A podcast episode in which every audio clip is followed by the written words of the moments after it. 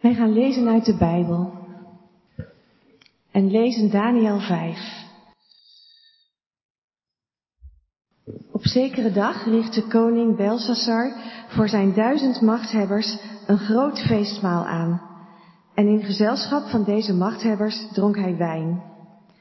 Beneveld door de wijn gaf Belshazzar opdracht de gouden en zilveren bekers tevoorschijn te halen die zijn vader Nebukadnezar uit de tempel van Jeruzalem had meegenomen, opdat de koning en zijn machthebbers, zijn hoofdvrouwen en bijvrouwen daaruit konden drinken. Men haalde de gouden bekers die uit de tempel van Jeruzalem, het huis van God, waren meegenomen, en de koning en zijn machthebbers, zijn hoofdvrouwen en bijvrouwen, dronken eruit. Ze dronken wijn en prezen hun goden van goud en zilver, van brons, ijzer, hout en steen. Terwijl ze dat deden, verschenen er vingers van een mensenhand die iets op het pleisterwerk van de wand van het koninklijk paleis schreven, precies tegenover de luchter, zodat de schrijvende hand goed zichtbaar was voor de koning. De koning trok bleek weg, in verwarring gebracht door zijn gedachten. Hij stond te trillen op zijn benen en zijn knieën knikten. Luidkeels riep hij om de bezweerders, de Galdeeën en de waarzeggers. De koning richtte zich tot de wijze van Babylonië. Wie deze tekens kan lezen en mij kan zeggen wat er staat, zal in purper gekleed worden, een gouden keten om zijn hals dragen en als derde in rang over het koninkrijk regeren. Alle wijzen van de koning traden naar voren maar zij konden de tekens niet lezen en de koning niet zeggen wat er stond. Koning Belshazzar was daarover zeer ondaan, zijn gezicht werd nog bleker en ook zijn machthebbers waren onthutst. Het rumoer van de koning en zijn machthebbers had de koningin naar de feestzaal gebracht. Zij zei, Majesteit, leef in eeuwigheid. Laten uw gedachten u niet in verwarring brengen het is niet nodig zo bleek te worden van schrik. Er is een man in uw koninkrijk in wie de geest van de heilige goden woont. In de dagen van uw vader bewees hij al evenveel verstand, inzicht en wijsheid te bezitten als de goden. Koning Nebukadnezar, uw vader, heeft hem benoemd tot hoofd van de magiërs, bezweerders, galdeën en waarzeggers. Uw vader, majesteit. Deze Daniel, die door de koning Beltesassar werd genoemd, beschikt over een buitengewone begaafdheid en over kennis en verstand, waardoor hij dromen kan uitleggen, raadsels kan oplossen en knopen ontwarren. Ontbied daarom Daniel. Hij zal u vertellen wat er staat. Vervolgens werd Daniel voor de koning geleid. De koning zei tegen hem, dus u bent Daniel, een van de Judese ballingen die de koning, mijn vader, uit Juda heeft gevoerd. Ik heb gehoord dat de geest van de goden in u woont en dat u over veel verstand, inzicht en wijsheid beschikt.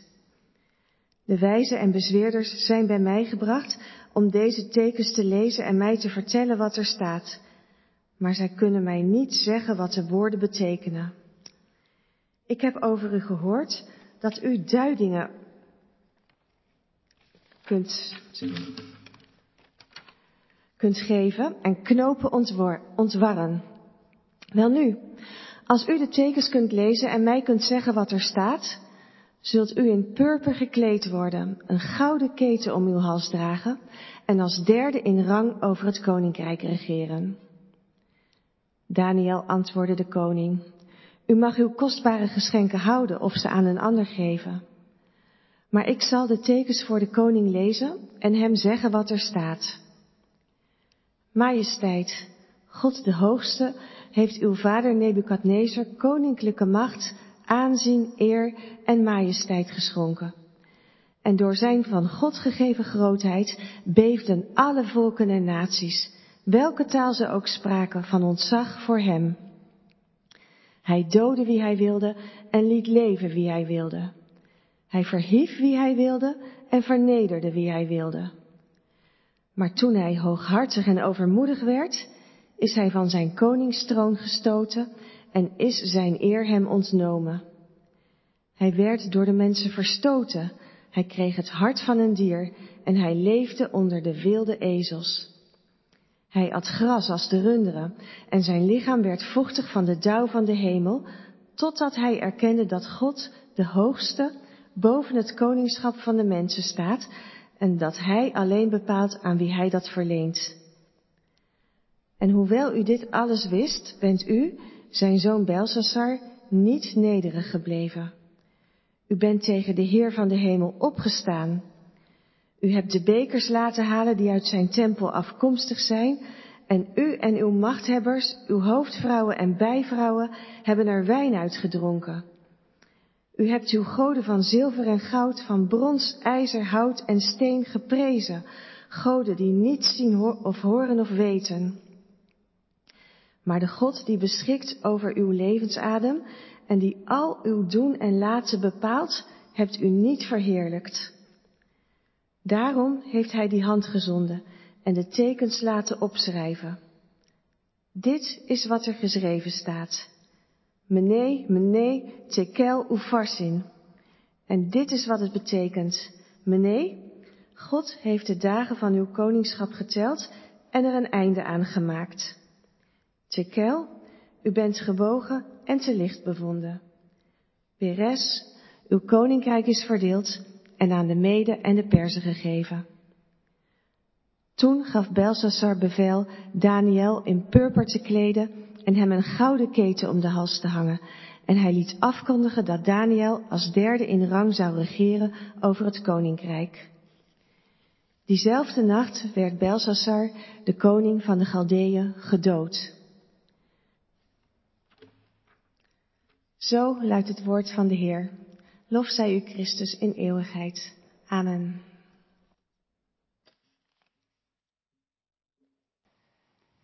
Gemeente van onze Heer Jezus Christus, broeders en zusters.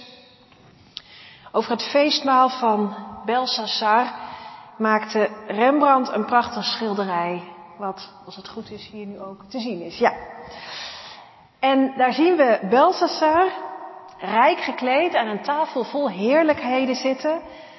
Het is een en al glans en glitter om hem heen. De kleding, het zilverwerk uit de tempel, waar de wijn overvloedig uit vloeit. Maar het lijkt wel of dat hele feestgedruis in één keer bevroren is. En we zien Belsassar verstijfd, met zijn lichaam half omgedraaid naar de muur, staren. En je ziet de ontzetting op zijn gezicht. Want er is een hand en die schrijft op de muur, verlicht door een kandelaar. Een teken aan de wand. En die uitdrukking gebruiken we nu nog, een teken aan de wand. We lezen in de Oude Kerk deze maanden uit Daniel over het Hof van Babel, die supermacht waar het Joodse volk en ook veel andere volken onder gezucht hebben. En wat daar aan het Hof gebeurt, wat daar beslist wordt, dat heeft invloed op het dagelijks leven van miljoenen mensen. Dat is moedeloosmakend en ook machteloosmakend. Ook vandaag. Een president van de Verenigde Staten, van wie het nog maar de vraag is of hij de uitkomst van de democratische verkiezingen zal erkennen. Vlagvertoon, grote woorden, terwijl zijn macht ondertussen aan het afbreken is. Het feestmaal van Belsassar vond waarschijnlijk plaats terwijl de troepen van de Meden en de Persen, twee Iraanse volken die de macht zouden overnemen, al voor de poorten van de stad lagen. En de dagen van Belsassar zijn geteld, ook al weet hij dat nog niet. Hij viert een groot feest.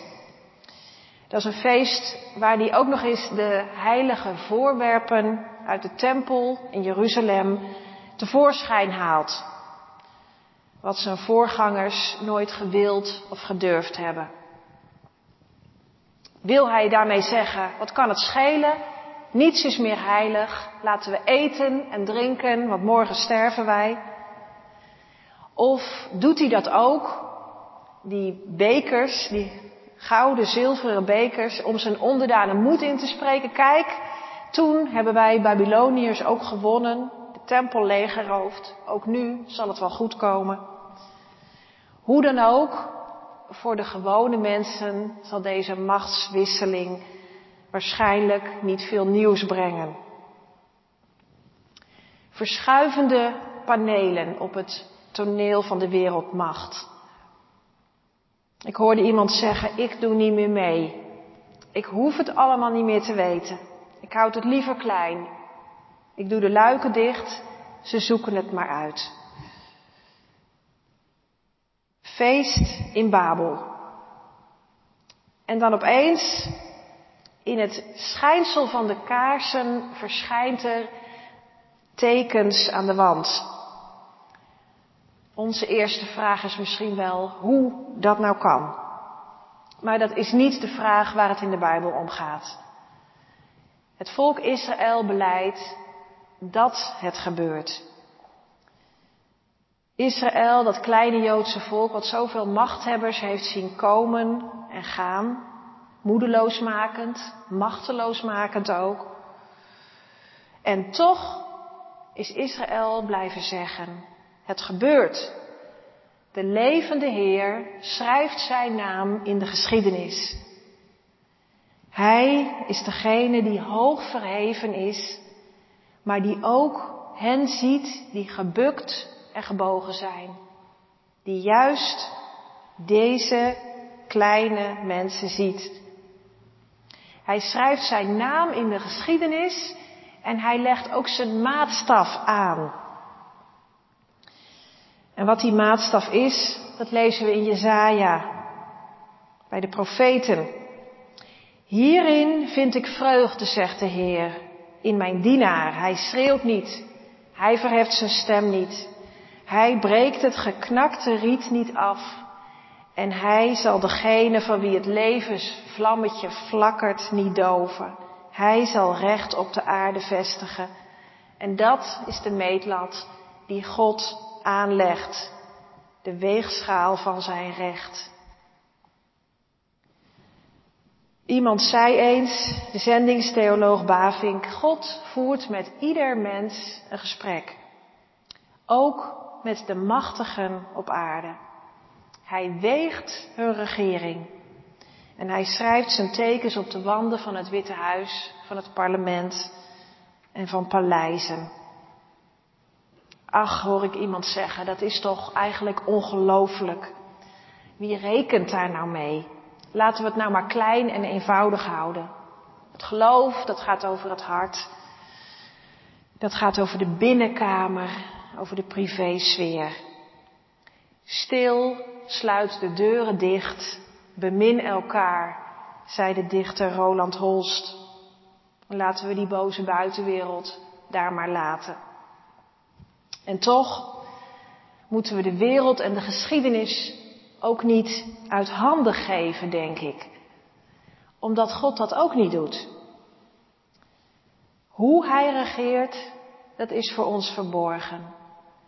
Maar dat Hij regeert en dat Hij de naam van zijn zoon met vurige letters aan de wand van de geschiedenis heeft geschreven en ook steeds opnieuw weer schrijft, daar willen we ons toch aan toevertrouwen en er ook naar uitkijken.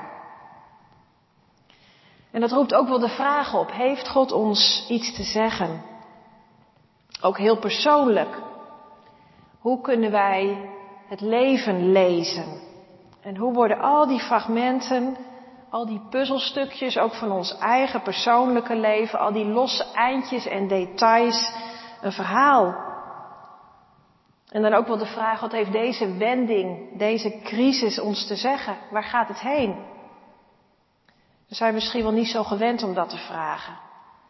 Of we vragen het wel, maar we kunnen of willen niet meer in een antwoord, in een groot verband geloven. Maar die stem die ons vrijmaakt, die ons terechtwijst en het teken dat God in deze wereld heeft opgericht, zijn zoon en de belofte dat hij alle dingen nieuw maakt, Dat is er toch ook? Tekens aan de wand.